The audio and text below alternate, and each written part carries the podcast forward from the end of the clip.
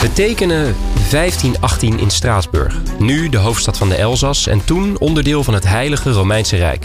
Het is juli. De zon schijnt en in een van de straten van Straatsburg verschijnt een vrouw. En deze vrouw Trofea, zoals ze schijnt te heten, wandelt over straat en begint plots met dansen. Ogenschijnlijk zonder aanleiding. Maar de vrouw danst en ze danst en ze danst.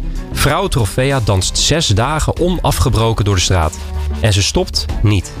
Sterker nog, omstanders voegen zich bij de vrouw. Binnen die eerste week zijn het er 34 en binnen een maand ruim 400. 400 dansers op de straten van Straatsburg. Niemand wist waarom, niemand wist hoe. Dokters werden geraadpleegd zonder enig succes. En uiteindelijk werd er een podium gebouwd in de hoop dat de dansers zichzelf dan moe zouden dansen en uiteindelijk zouden stoppen. En dat stoppen deden ze.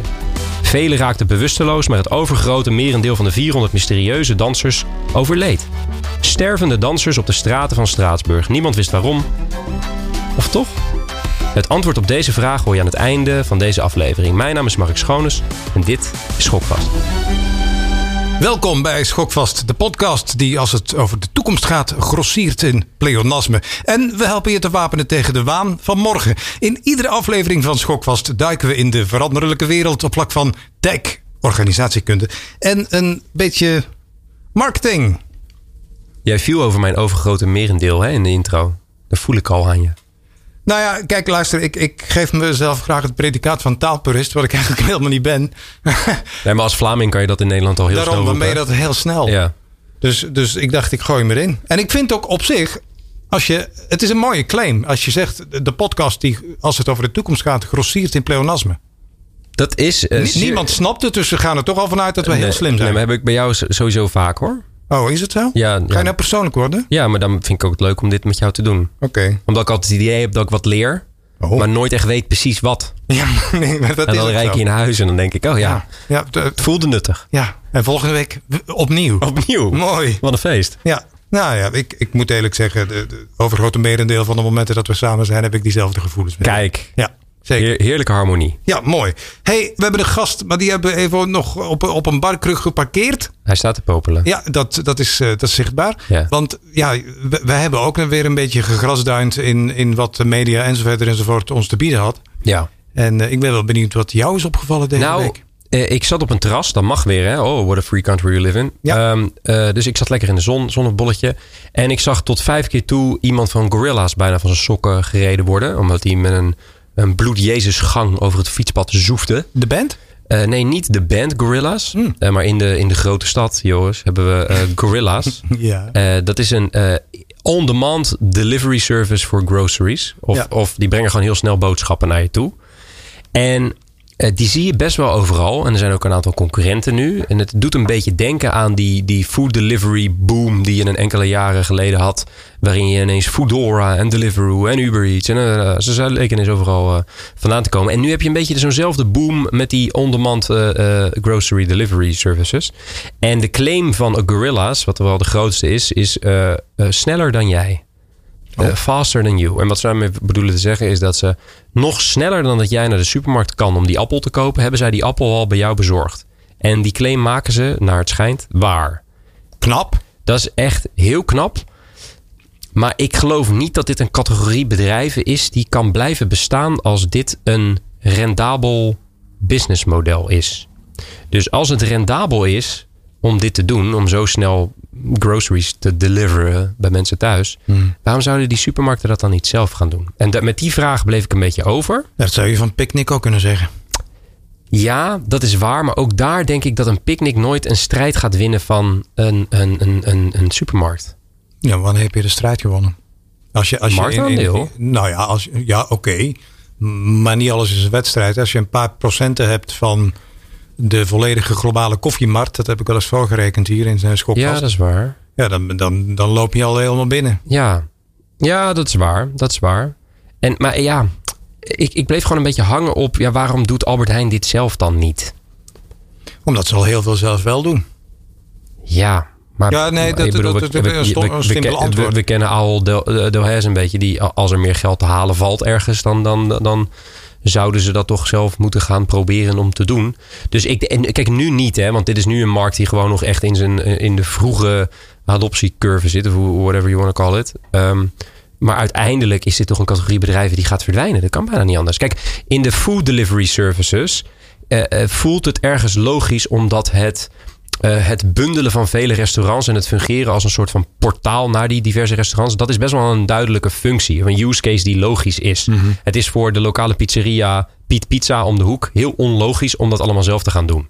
En het is ook helemaal niet realistisch om te denken dat Piet Pizza een beter aanbod kan geven dan eh thuisbezorgd.nl, die heel veel verschillende Piet Pizza's kan aanbieden. Catch my drift? Ja, ja, ik ben er nog. Maar als het gaat om een supermarkt, Ja, maar misschien focus je iets veel op supermarkten. En, en, en, en zeker met de generieke stelling, dit soort proposities gaan het dan niet halen. Of zou die niet toekomstbestendig zijn?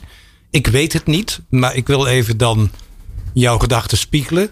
Eh, en, en je misschien confronteren met, met een gedachte die zegt, ja, volgens mij wordt het nog veel gekker. Ehm, als, we, als we het dan over de categorie dit soort bedrijven hebben.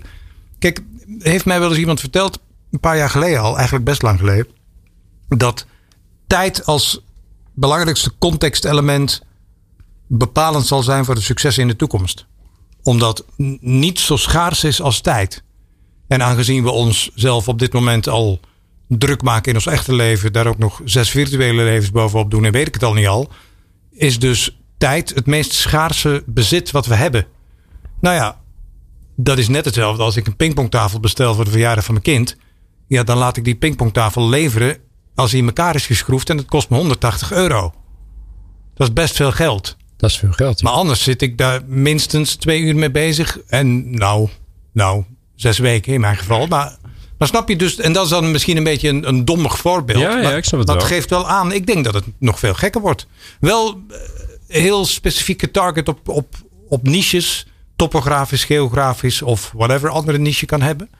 Maar ik denk dat, dat alles geleverd krijgen op de kortst mogelijke tijd voor sommige mensen gewoon heel veel waard is. Ja, nee, dat, en dat zie je ook aan de populariteit van dit specifieke ding. En ik geloof ook wel in dat, dat het, het inwisselen van, eh, of het, het winnen van tijd door er een beetje voor te betalen, want dat is in basis waar we het over hebben. Maar, maar mag ik nog een voorbeeld geven? ja, dat mag zeker. In de tijd dat we nog mochten reizen. Lang geleden. Ja, dat is echt lang geleden. Ja, dat is lang geleden. Was de gulden nog van hout? Ja, toen, toen kwam ik wel eens eh, op de luchthaven van Malaga. En ik, en ik, kom daar, ik kom daar dan wel vaker omredenen. En dan weet ik ook al waar ik het beste bon marché, eh, zeg maar, goedkoop een autootje kan huren. En wat ze heel slim doen is, als je een full insurance pakt, een verzekering, dan mag je de sleutel zo inleveren en dan win je een half uur mee. Dat is voor mij de reden om een full insurance te nemen. Dat ik terug kom rijden en dat ik altijd die sleutel over de toonbank gewoon zeg, tabbing. Ja, dat is hetzelfde effect. Ja, ja. Dat die auto verzekerd is of niet, dat boeit me. Of, of, of hoe en wat, dat, ja, het zal wel. Ja, ja. Maar die tijdwinst is voor mij belangrijk. Ja, ja, en dat is ook wel, bedoel, het is een, het is, eh, je, dit is ook de reden waarom Amazon Prime Ja. eh, eh, zo po- populairder is dan de kerk in, in, in Amerika. Ehm, maar specifiek geënt op het supermarktmodel. Ik, ja, als, zelf, als zelfstand, zelfstandig ding. I don't know. En, en de resources zijn ook eh, onstuimig eh, veelvuldig aanwezig. Hè? Want er zijn namelijk heel veel jonge mensen die graag geld verdienen. Ja, dat is Nou, waar. niet dat je er zoveel mee verdient, denk ik. Dat is een tweede. En, en nee, dat zal waarschijnlijk een, eh, een Uber-chauffeur-achtige situatie Ja. zijn. Overigens, ze willen nu de nul-uren-contract gaan aanpakken in het nieuwe regeerakkoord. Dat vind ik een goede zaak. Ja, goede zaak. vind ik echt een goede zaak. Maar Heb jij nog wat gezien? nee, jawel. Dan waren we snel klaar Ik geweest. zag die grote pupillen van jou. Prachtig.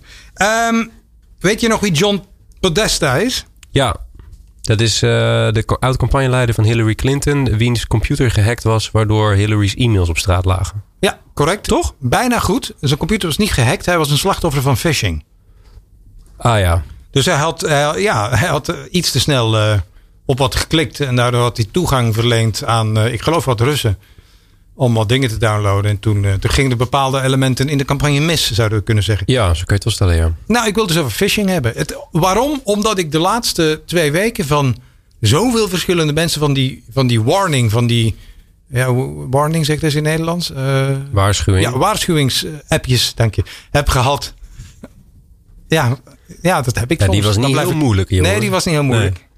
Maar van, let op, je gaat dit krijgen en klik daar niet op en doe dit niet. Ja, en doe ja. dat. Maar toen, toen dacht ik, dat phishing, dat vind ik boeiend. En weet je hoeveel er gefisht wordt op dagelijkse basis? Ik kom altijd van die belachelijke weetjes. ja, ja. Eh, eh, eh, Is dat dan Nederlandse, Nederlandse Nee, nee, globaal.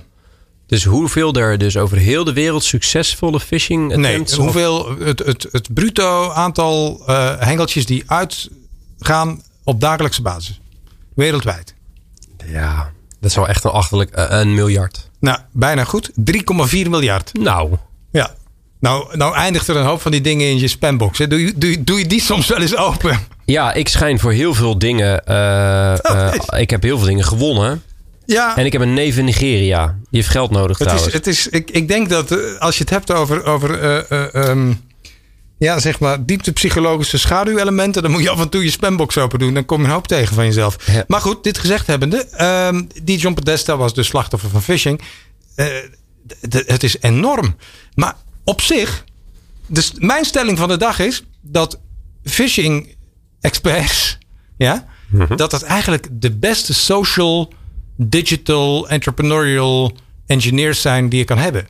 Eigenlijk zouden alle online marketeers, ja, die moeten niet naar de Grow Tribe, maar die moeten een of andere phishing boer zoeken en die moeten bij hem in de leer, want die gasten zijn er, of, of dames overigens, want dames kunnen ook fishen, ehm, die zijn er heel goed in. Ja. Ehm, en, en wat je dan ziet is dat, dat in de maatschappij poogt men phishing tegen te gaan op twee manieren. Je hebt dan de, de, de technologische stroming. Hè, die proberen aan de hand van nog slimmere technologie zeg maar, te zorgen dat heel veel van de henkeltjes worden stuk gemaakt voordat ze worden uitgegooid en dat soort dingen. Maar eigenlijk zou je ook hier de mens weer gewoon slimmer moeten maken. Want wat phishing doet is het ja, reptiele brein aanzetten. Heel simpel. hè. Je, hebt, je, hebt, je hebt de neocortex, dat is al hetgeen wat je denkt en al, alle rationele processen. Dan heb je die andere kant, het limbisch systeem.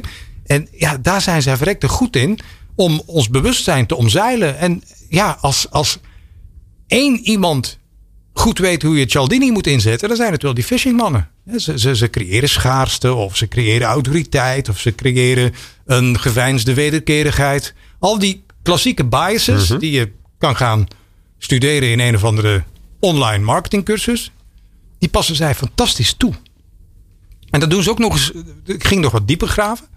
Zij, zij gaan ook echt uit van verschillende doelgroepen. Dus zij segmenteren op leeftijd, op geslacht, eh, sociodemografisch. Omdat ze weten dat bepaalde triggers, die dan zeg maar ons bewustzijn eventjes ja, biasen, eh, beter werken bij de ene dan bij de andere groep. Dat doen ze echt allemaal super bewust. Dus je zou, hier zijn we weer, ook mensen er veel alerter en slimmer op, op kunnen maken. Ja. Eh, en ik denk dat dat een, een nog, ja, dat we dat, dat we dat wel eens vergeten. We, we hebben het al wel eens over phishing en dan zie je zo'n campagne van de overheid, die heeft het daar dan over. Maar dat is allemaal, wordt allemaal heel generiek gedaan. Leg gewoon uit wat hun technieken zijn. Ja, ja. En, en aan de andere kant zou je kunnen zeggen... het feit dat je er meer om gewaarschuwd wordt... In die, ja, is wel een indicatie dat er een verhoogd bewustzijn is onder de bevolking. Ik bedoel, ik krijg deze berichtjes ook van mijn moeder en mijn vader. Let op, via Ja, ja. WhatsApp wordt er weer gevraagd om je bankgegevens. Zeker. Ik denk, nou, jullie snappen in ieder geval dat zoiets bestaat. Dat is toch alweer een stap vooruit. Ja, Eh, maar ja, die technieken worden natuurlijk ook steeds eh, geavanceerder. Dus dat is wel... eh, ja, dat plus als je zegt er is een grote boze wolf. Ja, dat zal wel. Maar je kan er ook heel specifiek over Ja, worden. je kan ook sense. bijvoorbeeld zeggen dat bijvoorbeeld vrouwen boven de 64, dat was dan, die hebben dan, die gaan, die gaan op een hele andere manier om met autoriteit. In de zin van die zijn er dan extreem gevoelig voor. Ja. Terwijl die jongeren veel gevoeliger zijn voor de, de, de, de, de, peergedachte. En dat soort, leg gewoon die 7, 7, 8 of 9 of 10 technieken van Ja. Cialdini, leg die lekker uit aan de mensheid. Maak mensen slimmer, maak Ja. ze weerbaar. Nou, misschien een toekomstige Siri-campagne of zo. Ja, we sturen een brief aan de minister van Digitale Zaken, want dit is alweer een goed idee van de Schokvaste redactie. Top. Nou, Lucien gaat van ons horen. We gaan naar de gast. Ja, laten we dat doen. We gaan naar de gast. Wat doe je als je een bedrijf wil beginnen? Dan heb je een business idee, dan huur je een designer, een copywriter, een developer. Laat je een website in elkaar coden en je bent open voor business, toch? Ja, dat kan of je belt onze gast. Hij bestiert namelijk de No-Code MVP, een e-learning programma dat mensen met ideeën transformeert tot start-up ondernemers. Want start-ups, daar weet onze gast wel wat van, zoals hij al vroeg verbonden aan Product Hunt, werelds bekendste start-up community. Hij richtte bedrijven op, verkocht er een paar en nu bestiert hij dus zijn eigen No-Code MVP. En hij is vooral hier en daar zijn we ontzettend blij mee. We hebben het over Bram Kanstein. Ha Bram, Hallo. hoe is het? Supergoed. Bestel jij al via Gorilla's? Nee, dat, eh, ik woon in Den Haag. eh, daar heb ik het nog niet eh, gezien. Heb je het nog niet voorbij zien komen? Nee. Als, eh, als jij het is, we hebben later in het programma hebben we een rubriek die heet de schaal van schoonheid. En dan moet ik altijd inschatten hoe, hoe Maar hoeveel impact iets gaat maken in de toekomst. Is, dit iets uh, wat, wat stand gaat houden? Zo'n zo model? Ja, ik, ik zei net al off mic dat dit echt een van mijn drie trigger onder, onderwerpen is. Ik, ik geloof hier helemaal niks van. Ik vind sowieso zeg maar, het probleem wat opgelost wordt echt een first world problem. En je ziet ook dat het altijd, dat soort dingen starten altijd in Amsterdam omdat daar gewoon genoeg uh, jonge mensen zitten die geld hebben om dit uit te proberen. Maar uh, ja, en de concepten, die, die vormen, die komen allemaal uit Amerika. Maar daar is de schaal gewoon veel groter. Dus ja, ik zie het qua business eigenlijk nooit, uh, nooit werken in, in ons landje. Hoeveel miljard dat is opgehaald? Oh, dat zou, de... ik, ik, dacht 34 of zo. Oh, dat zou kunnen, ja. ja. Dat zou kunnen. Dus is nodig. Ja, nee, nee, maar dat, oké, maar dat zie je bij Uber ook, hè? Ja, ik denk dat die discussie dan misschien iets anders is of je Uber met dit kan vergelijken. Nee, dat zei ik niet. Maar uh, ja, ja, bij Uber is het ook. Dan zie je ook een eh, rammelende PNL die in stand gehouden wordt door, uh, ja, door geld. Dat is het spel wat wordt gespeeld, hè, de IPO-game, zeg maar. Dus uh, nee, maar ik denk zo'n service als wat je net noemt, ja, dat is de, ik weet niet, 36ste of zo, I don't know. Ja. Gaat het dan specifiek, is, is, is de weerstand die, die je hebt ten opzichte van dit soort dingen op basis van rationele argumenten die wat mij betreft dan kloppen? Maar is dat heel generiek of, of is er ook geen iteratie mogelijk die zij dan zouden kunnen maken die dan wel zou werken? Ja, ik denk dus dat het tweeledig is. Jullie hadden het er net over. Ik zie het zeg maar, ik, ik, noemde net het probleem. Ik denk dat het probleem niet groot genoeg is. Jullie hadden het net ook, er, ook over waarom doet een Albert Heijn uh, dat niet zelf. Hè? Of, uh, en ik, ik, denk dat het antwoord is omdat het niet rendabel is. Dus waarom doet PostNL niet wat uh, Redje Pakketje, My Pickup Point en de 30 anderen die dat pogen te doen?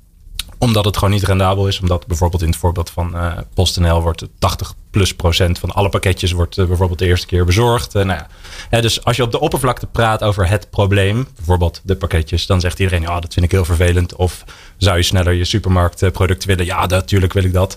En dat is dan een paar keer leuk. En voor sommige mensen waarschijnlijk ook gewoon prima relevant. Hè, lost een probleem op. Maar ik denk dus niet voor genoeg mensen. En dan ga ik eigenlijk naar het tweede deel. Is voor mij dan de business ik zie dat gewoon niet werken. Dus bijvoorbeeld een Deliveroo of een mannetje op een fiets of een scooter. Ja, die kan max uh, vier, vijf bezorgingen in het uur doen. Uh, je had het net over nul uren contracten gaan weg. Dus er komt straks een minimum. Ja, dat uh, komt niet uit. Race to the bottom. Ja.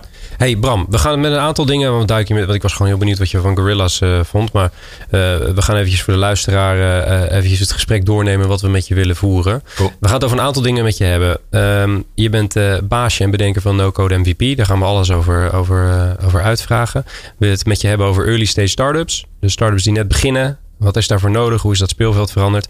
Misschien dat we nog een beetje uitkomen op crypto. Daar heb je ook een mening, allemaal dingen over. En de ik vooral begrijp er de ballen van. Dus het lijkt me ook wel interessant om over te hebben.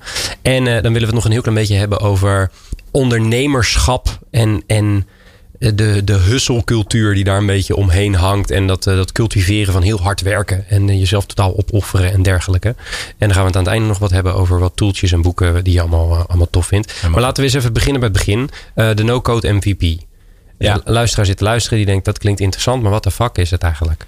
Ja, dit is iets wat ik twee jaar geleden heb gelanceerd. En eigenlijk um, daarvoor deed ik heel veel consulting voor, voor startups, maar ook grotere bedrijven die wilden, wilden innoveren. En eigenlijk kwam ik erachter dat ik ja, bij iedereen waarmee ik zat, uh, ik denk misschien 25 dezelfde dingen de hele tijd zei, maar dan in de context van hè, dat team of dat product of, of die markt. En ik dacht van hé, hey, dat zou ik graag een keer in een vormpje willen gieten. Dus daar heb ik een online uh, course van gemaakt. En eigenlijk de kern van die course is, uh, nou ja, jij beschreef het eigenlijk misschien nog wel beter dan dat ik tot nu toe doe. Maar um, ja, ik wil mensen helpen die een idee hebben en um, eigenlijk van het punt van het hebben van een idee komen naar het punt van moet ik hier tijd, meer tijd, geld en uh, ja, motivatie in stoppen. En um, ja, wat ik vaak zie is dat inderdaad mensen beginnen met een idee, precies zoals jij het schetste. Ik, ik uh, zoek wat geld, ik zoek een designer, een developer en ik bouw exact dat ding wat in mijn hoofd zit. En daarna gaan mensen pas zoeken naar, ja, voor wie is dit dan? Uh, wie heeft dan een probleem? En dan krijg je de klassieke soort van oplossing zoekt probleem. Nou, dat heb ik in de afgelopen tien jaar nooit zien uh, werken. Maar als je dus een bepaalde aanpak hebt van, ja, constant objectief kijken naar de stapjes die je zet. Dus heeft iemand een probleem? Wie is dan die persoon? Hoe zou ik dat op kunnen lossen? Wil die persoon daarvoor betalen? En dat je eigenlijk die kleine incrementele stappen de hele tijd neemt, dan kan je ervoor zorgen dat als het een slecht idee is, en de meeste ideeën zijn slecht en dat is prima, dat je op tijd denkt: hé, hey, uh, ik ga aan een ander idee werken. En als je elke keer denkt, nou ja, ik uh, krijg steeds meer vertrouwen in het idee wat ik heb. Dus steeds meer duidelijkheid over uh, het probleem van een bepaald persoon en hoe je dat zou kunnen oplossen, hoe je er geld aan kan verdienen. Ja, dan, dan kan je verder met dat, met dat idee, zeg maar. Dat is een beetje de insteek van de course. En um, voor mij is het opgedeeld in drie stukken. Eigenlijk mindset, het proces wat ik net beschrijf en ja, een soort van tooling waar we het ook over kunnen hebben. Ja, ja. De, de, rolverdeling tussen Mark en mij is, is meestal dat hij wat gematigd is en ik wat minder. Maar dat, is, dat oh. hoort bij het spel. Ja, ja, ja. ben jij dan uh, de Nederlandse Eric Ries?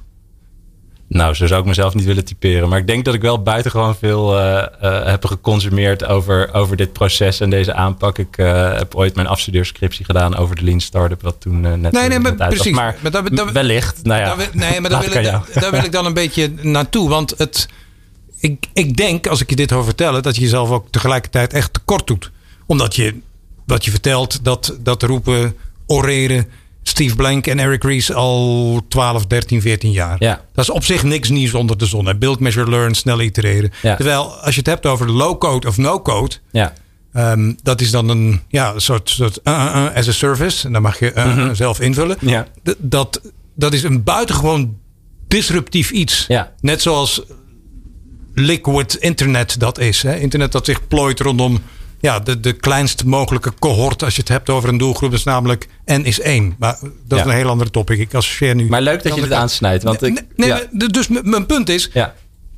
Ja, als dit het is, zijn er ja, er zijn heel veel mensen die dit prediken. Dus, ja. En ik denk ook de luisteraar kent dit evangelie. Maar, maar dat, dat low-code, wat is er nou, nou zo disruptief aan Ja, dus leuk dat je dat zegt. Dat, dat vergeet ik dan dus in mijn, uh, in mijn intro. Maar juist dat stukje Um, ik kwam dus eigenlijk tot de conclusie van: hey, ik heb gewoon een bepaalde manier van kijken naar niet alleen dit proces, maar ook hoe je dat dus in mindset zou aan moeten vliegen. Maar wat ik heel vaak mis, bij onder andere Steve Blank en um, hoe heet dat, uh, uh, Alexander Osterwalder van Strategizer, eigenlijk al dat soort types. Zij vertalen niet dat uh, conceptuele of die aanpak naar de praktijk. Dus oké, hoe ik uh, maak mijn idee kleiner, ik doe onderzoek, uh, beeld learn, uh, wat jij net noemt. Mm -hmm. Maar hoe kan ik dat stukje nou zelf dan ook doen? Ik heb ooit een keer een artikel gelezen van Paul Graham, nou, startup orakel uit Silicon Valley, en die zei: als jij dat eerste stukje, niet helemaal 0 tot 1, maar gewoon het eerste stukje validatie van jouw idee niet zelf doet. en hij noemt dat, dit is een company defining exercise. Als jij dat niet zelf doet, dan word je nooit groot. Want als jij niet begrijpt voor wie je echt een product maakt of wiens probleem je echt oplost, dan kan je dus nooit andere mensen overtuigen. Dan wel om jouw team te joinen, dan wel om een derde partij in te huren die dan iets voor jou gaat bouwen. En dan gaat het dus eigenlijk altijd fout. Ja. Nou ja, dat stukje, dat is precies uh, wat ik mensen wil, uh, waarmee ik mensen wil helpen. En daar kom, komen dus die no-code tools bij, uh, bij kijken. Dus ik denk dat ik um, een jaar vier geleden een, een website builder tool tegenkwam. Nou, er zijn er ook duizenden van. Uh, ik ben zelf uh, niet technisch. Ik ga mezelf zeker niet semi-technisch noemen, gewoon niet technisch. Um, maar ik ontdekte die website builder en uh, daar ben ik helemaal ingedoken. dat heet Card, um, C-A-R-R-D.com. Misschien leuk om te noemen. Maar dat is dus een van de nou, superveel website builders. Maar daar werd ik op een gegeven moment heel goed in. Mm -hmm. En die jongen die dat bouwde, die connecte op een gegeven moment die websitebouwer. daar kon je formulieren op, op bouwen, dus daar kon je data vangen. En hij connecte die websitebouwer met Zapier, dat is een automatiseringstool. En daarmee kon je eigenlijk de, wat iemand invulde in dat, in dat formulier, kon je vervolgens naar een soort database schieten. Dan mm -hmm. ook Google Sheets of Airtable is ook een tool. En toen dacht ik, hé, hey, als je die combinatie hebt van een website waarop je dus je waardepropositie kan laten zien en uh, nou, dit probleem los ik voor jou en jou op. En je kan informatie vergaren van jouw klanten en je kan dat vervolgens verwerken. Ja, dan heb je eigenlijk een product. Uh, als je alle ja, start-ups in de wereld, uh, de meeste en niet, niet, technisch, niet super technische dingen zoals Stripe of Molly of zo plat slaat, heb je eigenlijk maar zes verschillende type producten van een single page product tot een marktplaats. Of, nou, maar, maar de voorbeelden van de tools die je noemt, ja. dat zijn allemaal low-code of no-code tools. Ja, precies. Oké, okay, ja. dan hebben we dat klaar. Ja, dus voor de, voor, uh, voor de luisteraar die nu denkt, wat de fuck is nou low-code? No-code, dat zijn gewoon tools die, uh, ja, ja ieder, als je Microsoft Word kan gebruiken, dan snap je na drie YouTube filmpjes ook hoe Airtable werkt. Ja, precies. Uh, of hoe Zapier werkt. Of, ja. ja. Ja. En hoe, als je dat dan allemaal goed kan toepassen. Hè? Je hebt dan duizend mensen in een zaal. En die kunnen dat allemaal. Ja. Die hebben dezelfde skills, low-code, no-code skills. Ja. Wat is dan de code om succesvol te zijn met no-code? Nou, dat vind ik dus leuk. Want eh, stel dat al die mensen al die skills hebben, dan gaat het dus uiteindelijk om hoe voer je het uit. Je hebt de klassiek, eh, dus ik zie no-code en low-code tooling heel erg als een soort ja, democratisering van ja, de toegang voor mensen om hun business ideeën uit te werken, zeker in een digitale wereld. Dus stel dat er duizend mensen zijn die eh, ook nog allemaal hetzelfde idee zouden hebben, bij wijze van, en allemaal dezelfde skills, dan zal je zien dat ehm, ja, verschillende mensen dat op een andere manier ehm, aanvliegen en oplossen. En dan krijg je een beetje, ja, je hebt een soort bekende matrix waarbij je zegt eh, de waarde van een idee versus de waarde van jouw uitvoering. Dus hoeveel, hoe goed je dat doet. Eh, ja, dat verschilt van persoon tot persoon. Dus dan komt het aan op, ja, eh, hoe goed doe je je best en, en hoe haal je inzicht op. Is dat verder te specificeren? Ik, ik ben zelf heel erg fan van Scott Galloway. Ik weet niet of je die kent, maar Mhm. dat is een hoogleraar of een professor marketing op de Universiteit ja. van, eh, van Stern in, eh, in New York City. En die man die roept onder andere dat follow your passion is het allerslechtste advies wat je iemand kan geven. Want economisch slaat dat advies nergens op. Mhm. Want er zijn heel weinig mensen die een goed besef hebben van hun eigen talent. En ook heel weinig besef hebben van hoe ze dat talent economisch kunnen laten werken in het even, ja, kapitalistische systeem waar we in werken. Dus follow your passion is een hele slechte advies om een succesvol leven te leiden, eh, predikt hij. Wat jij eigenlijk doet, is het alleen maar makkelijker maken om je passie te volgen. Ja, ik ben het daar dus ook niet mee eens. Maar met, Ik Scott, niet, met Scott Galloway heb ik het 50-50 een beetje. Maar dit bijvoorbeeld totaal niet mee eens. Want ik geloof dus... ehm, ik zei dat net off mic ook. En als we het hebben over democratisering van ideeën. Hè, ze zeggen dat 1% van de mensen kan eh, code, hè, code kan schrijven. Maar niet al die mensen hebben goede ideeën. En eh goede ideeën hebben allemaal verschillende, kunnen allemaal verschillende basis eh, hebben. Dus weet ik veel, als jij tien jaar in een bepaalde industrie zit en je ziet al tien jaar hetzelfde hè, probleem of irritatie bij mensen. En je denkt, hey shit, dat is iets, dat is iets wat ik heel graag wil oplossen. Dat is mijn passie, of hoe je dat ook wil doen. Nou ja, dan denk ik dat die persoon dat beter kan doen dan een random iemand van buitenaf die even naar een industrie kijkt en denkt, hey, dat, dat ga ik oplossen. Gewoon Ja. omdat die persoon daar onderdeel van is geweest. Dus ehm, ja, ik denk dat het juist mensen enabled om iets waar, waar ze passie eh, over hebben, om dat juist En, ze- en, en zeker bij de conceptualisatie, letterlijk. Hè? Net, net hetzelfde als, als zaadcel en eicel elkaar tegenkomen en een kind ontstaat. Dat is ook passie. Nee, maar dat, dat, ik, ik, alleen op een bepaald moment, en dat kan al zijn vanaf de scalingfase, mag het wel wat minder passie hebben. Want ja, niks is irritanter als in een meeting zitten met mensen die allemaal zeer gepassioneerd zijn. Dat snap, dat, dat, dat, dat snap ik. Ja. Maar de beginfase, je moet toch een. Ik volgens mij, Steve Jobs had best veel passie voor een aantal dingen. ja, maar dan noem je er ook een. Dit is precies het punt wat die Galloway maakt. Ja. Is dat, dat wij spiegelen follow your passion heel vaak aan mensen die extreem getalenteerd waren. En, en een, het gemiddelde mens Oké, ik daal even af in de piramide. Ik vind jou ook zo iemand. Ik vind dat jij je passie volgt. En zonder die Ik- passie zou jij nooit nu een agency hebben. Wat, Nee, eh, 100%. En ik wil dit best even persoonlijk maken. Maar als ik mijn eh, jongensdromen had gevolgd, eh, dan was ik nu comedian ge- geweest. Ik dacht wielrenner. Nou, nee, absoluut niet. Kan Dat kan ik niet. veel geld mee verdienen. En, daar- absoluut. Maar ik had, dat, ik had dat economisch gezien eh, niet gered. Maar ik Ehm, denk wel dat de tijd nu anders is. Want toen ik jonger was, eh, hield ik ook van gamen. En van, eh, toen probeerde ik ook websites te bouwen. En ik bedoel, er zijn nu eh 15-jarigen die verdienen eh, tonnen slash miljoenen met Jawel, jawel. hobby's of interesses. Maar ook daar is, is het... Het is een... en Misschien gaan we nu te ver down the rabbit hole. Maar Nee, nee, nee, nee, nee. Dat komt er nog doe Het, het, het, het punt wat ik wil maken is dat het, het segment van de mensen die van iets leuks hun baan hebben gemaakt, waar wij dat dan allemaal aan spiegelen, is heel klein ten opzichte van al die mensen die het proberen. Ja. En, en waar ik een beetje heen wilde was, eh, low-code, no-code maakt het voor mensen heel makkelijk om Ja. eh, dat eh, achterna te jagen. Ja. En mijn vraag eigenlijk daarachter is, hoe toets je of iets voordat je nog begint een goed idee is? Nou, dat vind ik dus Of leuk. hoef je dat niet te toetsen? Ja, dus ik vind het leuk dat je dit benoemt. Want wat ik dus wil samenvatten in mijn course zijn die drie dingen die ik net noemde. Dus het gaat om mindset, proces, je aanpak. En een stukje tooling waarmee je ook daadwerkelijk iets kan maken wat je dan aan mogelijke klanten kan laten zien. Maar dat eerste stukje mindset Ja. is eigenlijk het meest eh, belangrijk. Hè? Dus of je nou wel of niet kan coden. De juiste eh, beoordeling van de waarde van ideeën. De meeste ideeën zijn gewoon slecht. Je wil eigenlijk niet te veel tijd spenderen aan een slecht idee. Dus je doel zou altijd moeten zijn: hoe, kom, hoe leer ik zoveel mogelijk in de kortste tijd?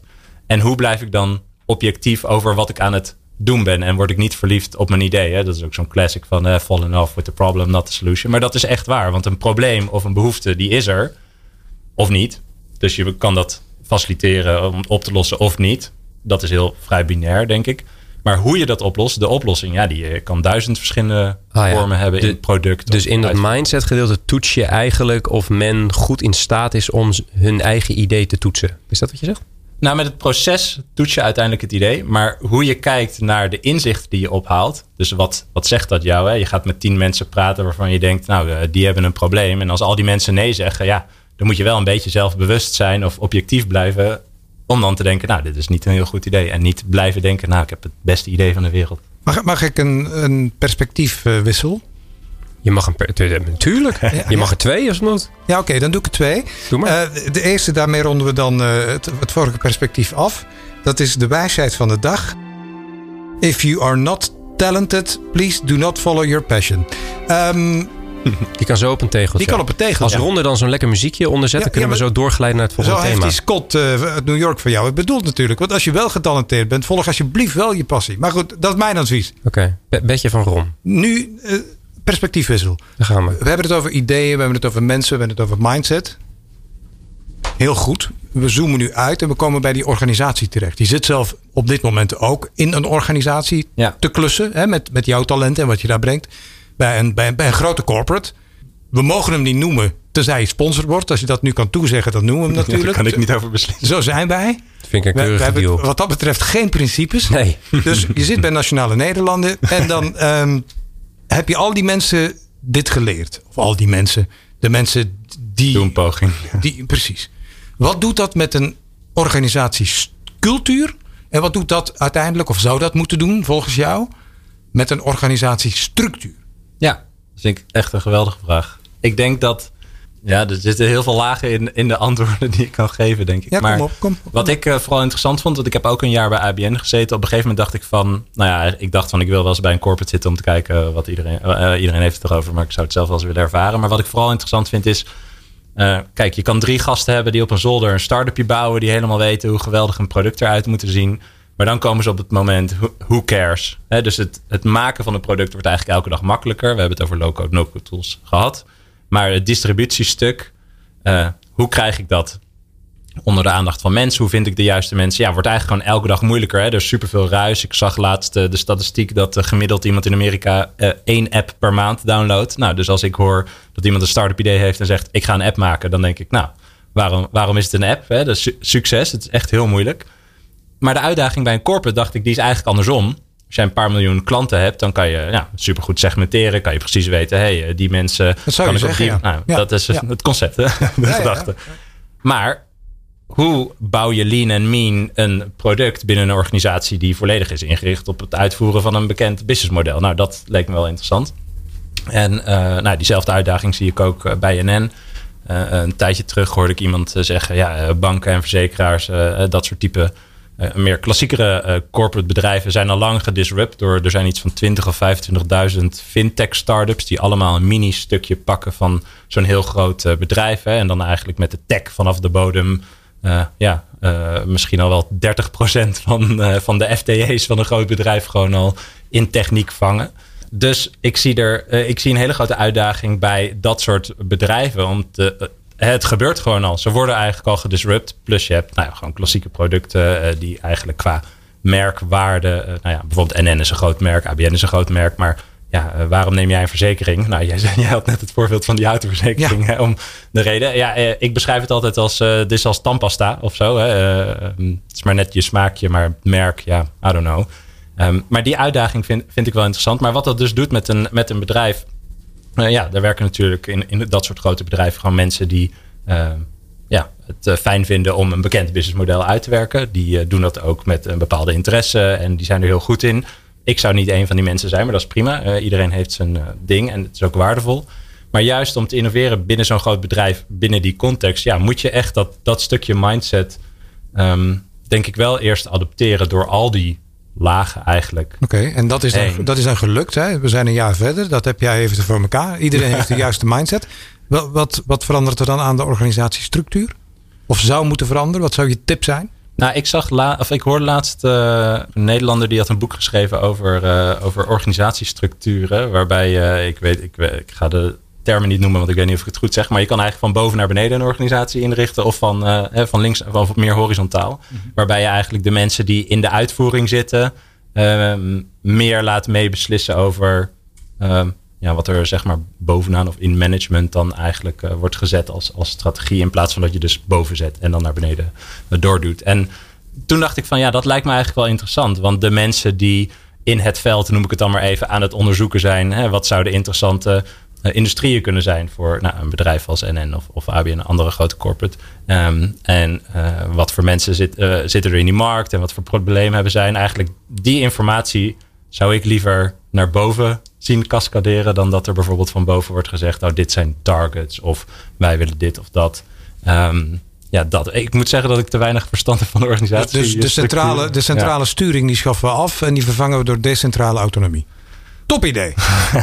nou ja, er zit natuurlijk wel iets in. Ik bedoel, een, een hoop van de, de taakjes en sturing die enigszins nu geregeld wordt door die no-code en low-code oplossingen, die wordt nu afgevangen door heel veel managers en directeurtjes. En dus daar zit wel, ja, ik vind daar wel een hele duidelijke link in zitten. Er zou wel laten we het zo zeggen, in een low of no-code organisatie, die we nu net hebben bedacht, zou een horizontaal ingedeeld sturingsmechanisme of sturingsstructuur zou best wel een logische oplossing zijn. Maar jij, jij hebt daar meer verstand van, denk ik, of niet? Ik, ik, ik heb wel eens gefilosofeerd over stel... ik, vind, ik vind dat vrij veel eer. Ik, heb, ik denk daar heel veel over na en ik heb ja. buitengewoon veel mening. Dat heb je wel eens gefilosofeerd dan over... Eh, daar heb ik wel eens over gefilosofeerd.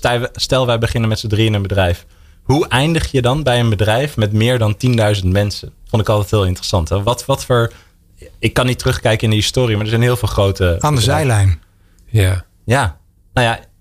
Echt waar. Hoe bedoel je? Gewoon aan de zijlijn. Ja, zo eindig je, ja, ja, zo eindig je met z'n drieën dan uiteindelijk. Ja, dat was Nee, je begint met z'n drieën, maar hoe eindig je nou met een bedrijf van 10.000 mensen? Wat, zijn, wat is nou de reden dat, wij dat, soort, dat er dat soort grote bedrijven nu eh, bestaan. Dat vind ik altijd heel interessant. Van knip worden dan taakjes opgeknipt. En als er dan genoeg mensen in een laagje zitten, komt er ineens iemand boven. En dan... Dat heeft, ja, maar kijk, heel veel. Is het nodig, is dan eigenlijk mijn vraag. Nee. ik denk dat het eh, totaal contraproductief is. Ja. Um, ik denk dat je primaire en secundaire processen heel goed in het snotje moet hebben. Vaak worden die, worden die omgewisseld met elkaar. Weet je, wat is je primaire ding dat je doet uh bij een verzekeraar? Wat is het secundaire ding wat je doet? Ja. Bij, bij, bij een verzekeraar. Kan, kan je die, kan, heb, je daar, heb je daar een voorbeeld van? Uh, ja, ja, maar dan komt het wel heel dichtbij. Maar we hebben zo'n dag, denk ik, toch? Ik heb jou ook al bejubeld vandaag. En nu, nu, nu, nu ja, dat dus. Neem nou, uh, als je een netwerk zou hebben, totaal hypothetisch. Uh, als je ooit een netwerk hebt geco-found van creative agencies. En je hebt er dan een stuk of twintig ja. of achttien. Dan zijn de secundaire processen is wat de motor doet draaien. Dat, daar zitten faciliteiten in. Daar zit HR in, daar zit slimme finance in. Um, weten micromanagement wat mij betreft op, op business kritische cijfers. Dat mag allemaal wel. Um, daar zit het gebouw in. Uh, de omgeving. Al die dingen die heel belangrijk zijn. Het, is namelijk, het zijn die dingen waar de meeste creatieve agencies die opgestart worden in 010 of 020. En dat is ongeveer evenveel als apps die gedownload worden door uh, Amerikanen, heb ik gehoord. Eén per maand per persoon. Dat is echt enorm. Dan zie je dat mensen vaak tot een mannetje of 10, 12, 15 kunnen groeien. En dan komen ze toch echt zichzelf tegen. Ze komen nooit boven dat 1, 1,5 miljoen omzet, 10, 12, 13 mensen uit. Omdat ze vanaf dat moment secundaire processen moeten gaan inrichten. Ze moeten een tussenlaag gaan initiëren. Ze moeten iets doen met uh, financiën. Ze moeten iets doen met accountancy. En ja, en dat, daar gaan ze dan op stuk. Omdat hun passie daar niet ligt, overigens. Nou, als je dat, als je daar je, van het secundaire proces dat heel goed doet. En dat uit handen neemt. Dan doe je al iets heel goeds. Volgens mij zijn bij de gemiddelde corporate in dit land heel veel mensen bezig met de secundaire proces. Namelijk risk mitigation. Ik weet het 100% zeker dat bij een verzekeraar, elke verzekeraar en elke bank, de meerderheid van de mensen bezig is, al dan niet impliciet, expliciet of volledig emotioneel gedreven, met risk mitigation. Ik weet niet of ik verder kan uitweiden, maar ik kan alleen zeggen dat ik, wat ik bij NN weet, of bij ABN weet, is, is dat dat klopt. En dat komt door uh, eh, ECB-rapportjes en, ja, en, dat soort dingen. Zo, terwijl dat altijd, uh, altijd oranje is. Het is Ja. nooit groen, nooit rood. Het is altijd oranje. En dat, heeft, en dat heeft dan ook te maken met het feit dat ze zo groot zijn geworden. Dat denk ik Want, hoe- ook, want hoe ja. groter het monster, hoe potentieel gevaarlijk het monster. Dus daar moet je dan op een of andere manier gaan controleren. Ja, doe dat dan in, in ach- 800 stukjes zo'n bedrijf. Dan heb je allemaal kleine bedrijfjes. Moet je ergens zorgen dat het verbonden is. En dan heb je weer veel meer bewegingsruimte. Ja, Ja, die- goed, hey, dit is mijn filosofie. Hè? Nou, niet, die- niet die van mij, van, van heel veel mensen. En, en er is in mijn geval ook een aanbrouw met mosterd. Ik heb het eh, niet, niet- zeker niet allemaal zelf bedacht. Maar ik ben er wel vol van, zoals je merkt. Maar, eh, Maar jij was de gast. weet Nee, je? ik vind het heel interessant ook. Nou ja, is er wel, want Bram vroeg, hoe, hoe ontstaat dat dan? Dit is, dit is toch gewoon een, een sneeuwbal die van de heuvel af wordt geduwd. En het, het is een, niet een, een controleerbaar proces, zo'n groei. De- Jawel, voor, voor de Oh, bestuurders van zo'n bedrijf. Dat is toch. Ja, jawel, echt. Er zijn tig voorbeelden. Daar gaan we nu niet dieper op in. Want dat, zou ik, dat- is een topic die kunnen we voorbereiden als we nog eens een uitzending doen. eh, zoals onlangs met Burm. Hè. Dan hebben we Ja. geen gasten. gaan we met z'n drieën wat topics bedenken. Gaan we echt diepte in. Heb je ooit gehoord over employee ownership? Er zijn echt, echt best veel entiteiten wereldwijd. Waarbij alle werknemers allemaal een stuk aandelen. Waar het, waar, waar, waar het geheel van iedereen is. En dan kom je, dat is heel mooi. En dat, is, dat gaat veel verder dan een winstdeling. Want dan kom je ook op vraagstukken terecht. Waar je je moet afvragen: oké, eh, hoe verhoudt eigenaarschap zich ten opzichte van besturing? Hè, heb je een stuk van de motor of heb je een stuk van het stuur? Want als je 10.000 mensen in dienst hebt om die dan allemaal over alles te laten beslissen, dat wordt best complex. Maar daar moet je dan slimme dingen voor gaan bedenken. Ja, fantastisch. Dat zijn bedrijven waar de CEO, die hebben ze dan nog, daar ben ik ook tegen overigens, maar goed, ehm, elke twee jaar gekozen wordt. Niet benoemd, gekozen. Maar dan is de, v- de, de- is de vraag hoe ver zo'n model kan groeien. Zeg maar, want de- volgens mij de bedrijven waar, een, eh, waar Bram het over heeft, het zijn eh, het is Unilever, Procter Gamble. Ja, dat eh, soort dingen. Ik- Die grote. Ja, dat kan. Is mijn overtuiging. Maar de- Ja, ja, nee, ik, ik, ik, ik stel het ook niet in twijfel. Ik ben, dit, is, het is een vraag eh, uit nieuwsgierigheid, want ik geloof ook in eh, jouw train of thought.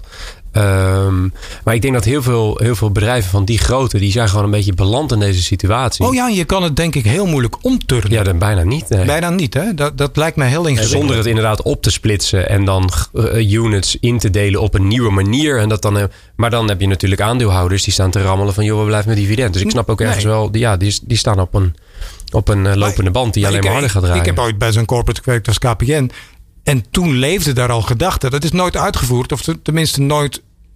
niet in de filosofie zoals sommige mensen dat toen uitspraken. Dat is over laten we gewoon een telco bouwen naast KPN. We beginnen gewoon opnieuw. Die gedachte heeft bij ABN ook ooit geleefd. Ja, we beginnen met, we beginnen met een schaduworganisatie. En als die één keer wat volume heeft en die staat op een manier zoals wij denken dat het wel toekomstbestendig is. Nou, dan klappen wat klanten. Ja, zo dan. Dus, dus die train of thought die leeft, die leeft echt wel daarboven. Want men weet dat organisaties gaan veranderen, structuren gaan veranderen. Hebben ze altijd gedaan. Maar goed, Weet je wie ook eh, altijd bezig is met verandering? Burm, Burm. gewoon bellen. Zullen we hem even bellen? Doen. We gaan bellen met Burm. Niet alles uit de woeste wereld om ons heen is verklaarbaar door ons twee. In een enkel geval hebben we hulp nodig bij het duiden van al dat te grote of onverklaarbare schuivende panelen. En wie bellen we dan? Onze gast van het allereerste uur natuurlijk. Het is de voorzitter van de Dutch Startup Association, Lucien Burm. Dus ja, dat is een soort rechterhand van de prins. Hier is Bellen met Burm. Joris, je hebt het onderwerp. Ik, ik vraag me dan altijd af wie, wie de linkerhand is van de prins. Maar dat, dat, doen, we wel, eh, dat doen we wel eens als hij Ja, in de eh, uitzending is. Volgens mij weet Lucien dat. Dat soort inzichten heeft hij wel. Ongetwijfeld. Ken jij eh, overigens, die, die vraag die, die stel ik nog even aan Mark Burm. Hou, hou, hou vol, hou vol, blijf aan de lijn. Ken je die Tim Ferriss? Die man van die 4-Hour Workweek? Ja, zeker. Ja, dat vond ik zo'n gek boekje. Dat, ja. Ja? Maar ik, ik moest eraan denken dan net. Met, Dat met, is wat je nu kan doen. Nee, ja, met dat hele low-code en no-code, weet je wel. Het gaat allemaal zo makkelijk tegenwoordig. Dus ik was aan het denken, als je nou toch 40 uur wil werken... en dan pak je het evangelie van Ferris erbij... en dan kan je dus 10 start-ups tegelijk starten. Dat is toch prachtig? Ja. Toch, Burm? Eh, nee. Nee, sorry. Nee, tien bedrijven tegelijk runnen. Eh, ik kan er kort over zijn, ik geloof er niet in. En, en zeker niet vanuit een eh start-up perspectief. Wat natuurlijk mijn perspectief is. eh, en die van de prins. Dat zijn namelijk kleine bedrijven met ambities van hele grote bedrijven. Dat kun je niet een beetje doen. Dit soort boeken laten toch vooral zien dat het best slim kan zijn om boeken hierover te schrijven. Zoals alle zelfhulpboeken eigenlijk. En nu wil ik de 4-Hour Workweek niet per se een zelfhulpboek noemen. Maar Timothy Ferriss, eh, die heeft dat vooral eh, dat thema als een business laten groeien. En niet zozeer de bedrijfjes die jij als voorbeelden gaf in het boek. Waar de meeste aandacht naartoe gaat, dat groeit dus het hardst. Dingen doen, dat kost nog helemaal tijd. Ik kom nog steeds startups tegen die te vroeg te veel willen doen. En als ik het motto van befaamd managementbaas Pieter Drucker mag samenvatten, strategie is vooral wat je niet doet. Draagt het niet concreet bij aan je groei, dan niet doen. Ik ben dus vooral bang dat tips in boeken als de 4-hour workweek vooral gebruikt worden om zaken uit te besteden die toch al niet cruciaal waren voor je start-up. Zonde van je tijd dus. En als je bijna al het ondernemerschap toch uitbesteedt, zodat je het in een paar uur per week kan doen en een goed rendement haalt, dan is er al eeuwenlang een term voor. Dat heet investeren. Wat wel goed werkt, is bedrijven na elkaar beginnen. Dus van start tot exit en weer opnieuw. Dan noemden ze zich serial entrepreneur. Daar wordt vaak aardig mee gekoketteerd en dat is misschien ook terecht. Er zijn namelijk heel wat onderzoekjes naar gedaan.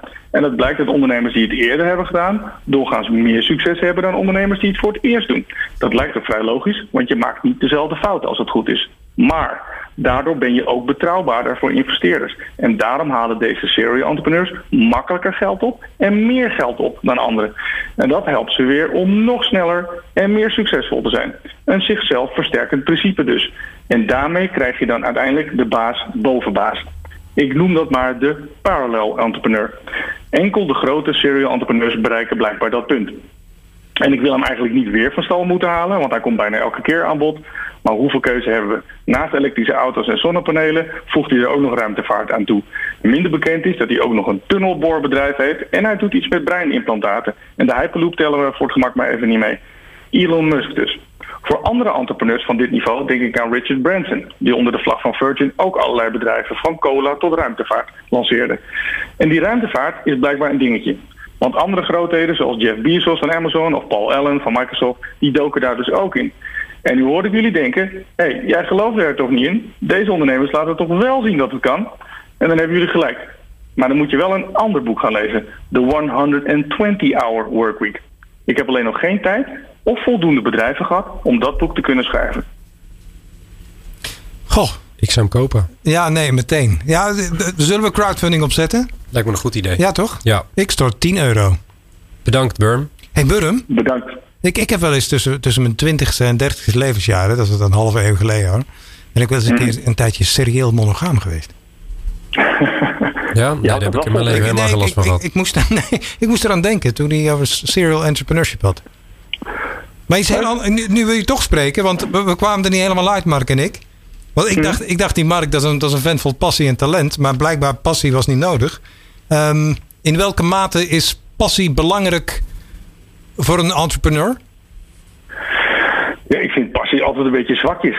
Uh, het woord drive vind ik altijd veel, uh, veel mooier. Weet je wel, je kunt voor alles en nog wat passie hebben, maar uh, start-up ondernemerschap is vooral gewoon blijven volhouden terwijl het gewoon tien keer in je gezicht ontploft en niet goed gaat. Weet je wel, dat, dus, dat is een soort volharding, zeg maar, wat voor mij veel belangrijker is dan passie. Die was voor jou, Mark. Ik ben het echt volledig met hem Die was helemaal voor jou. Ook een goed boek trouwens, Drive. Ja, dat, dat, dat, zeker. En dat bestaat al, hè? Ja, dat is Dat kan je gewoon kopen in de winkel. Ja, ik was ook niet van plan om het te schrijven. Oké. Okay. Uh, Burn, bedankt. Ja, graag. Tot snel. Dag. Doei.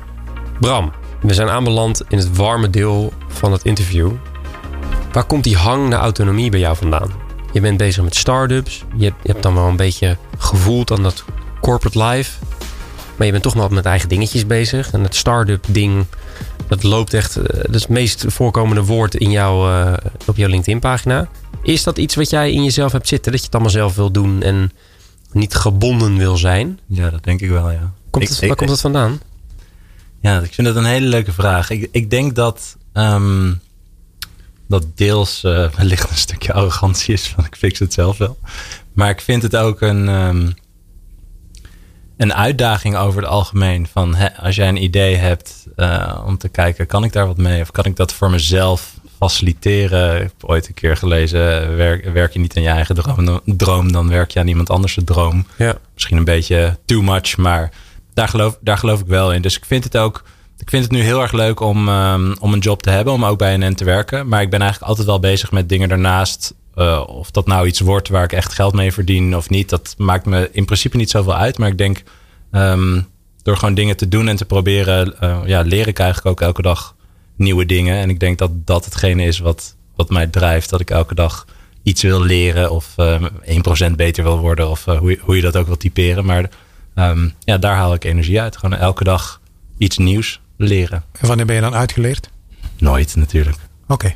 Hoe, hoe, hoe verhoud jij je, eh, en dan zijn we alweer aan het einde beland. Hoe verhoud jij je ten opzichte van die, die hustle-cultuur die je nu bij heel veel jonge ondernemers ziet? Ja, ik vond het leuk dat je dat uh, noemde aan het begin. Want uh, de, op een gegeven moment, een tijdje terug, ik denk anderhalf jaar geleden of zo, was er een soort artikel over hustle culture needs to die of iets. er was een soort commentaar op de hustle cultuur. En ik vond dat echt volledig misplaatst. Want dat komt dan voort uit hoe Gary Vaynerchuk dat altijd uh, roept. En, en ja, op een of andere manier vatten mensen dat verkeerd op. Maar ik vat het altijd zo op van ja, als je iets wil, dan moet je er iets mee doen. En anders mag je er niet over zeiken. Voor mij is dat zeg maar uh, mm-hmm. de hassel. Uh, en als jij wil ondernemen, ik zie ondernemen als uh, constant problemen oplossen. Dus heb je het ene probleem opgelost, kom je het andere weer tegen. En als je het niet fixt, dan kom je niet verder. En ja, fix by any means possible eigenlijk is voor mij een soort van wat hassel vertegenwoordigt. En niet zoals het bijvoorbeeld wordt geschetst in zo'n artikel van, weet ik veel, 100 uur per week werken. En ik weet niet wat voor negatieve dingen er allemaal bij zaten, maar ik vond het eigenlijk een hele rare interpretatie van het woord hassel. Voor mij is dat gewoon fix your shit eigenlijk. Kom je het veel tegen van die, van die ondernemers die ergens mee willen beginnen, bijvoorbeeld via no-code, die denken dat dat de formule is voor succes? Ja, zeker. Want dat is precies wat jij eerder noemde. De, de mensen die wij zien of de succesverhalen die we horen, daar zie je alleen maar uh, ja, het eindproduct van de IPO of de miljonair of de overname. Brian Chesky van Airbnb zei wel eens van uh, wij zijn een 10-year overnight success of zo. Ja, dat zie je niet. Al die shit zie je niet. En uh, ja, ik denk dat dat wel een probleem is. Want dan heb je gewoon aan het begin van een idee of jouw journey uh, compleet verkeerde verwachtingen van waar je heen kan of gaat. En, ja. uh, dan wordt het ook lastiger om dat echt te bereiken, denk ik. Het laatste woord is aan jou. Je mag een tip geven aan de luisteraar. Heb je iets gezien, gelezen, gehoord, nu dan wel in het verleden, waarvan je zegt, nou, dat heeft mij echt op zo'n goed spoor in mijn leven, mijn business gezet. Nou, dat, dat, wil ik delen. Ja, ik uh, laatst vroeg iemand aan mij, want toen hadden we het ook over de waarde van ideeën. Ik heb elke dag ideeën. Hoe weet ik nou wat een goed idee is? En ik typeer ideeën eigenlijk altijd als een combinatie van aannames. Hè. Als je iemand vraagt, pitch je idee, dan zegt iemand... Uh, ik ga dit probleem oplossen voor die en die persoon op die, manier, die en die manier. En ik ga zo en zo geld verdienen. Nou, dat zijn al vier of vijf aannames in één zin. Hè, voor wie, voor wat, hoe en, uh, en hoe ga ik geld verdienen. En uh, zo zie ik ideeën als een combinatie van aannames. En ik heb ooit een artikel gelezen als je googelt op de Spark file. Ik weet even niet uh, de auteur, maar het is een artikel op Medium.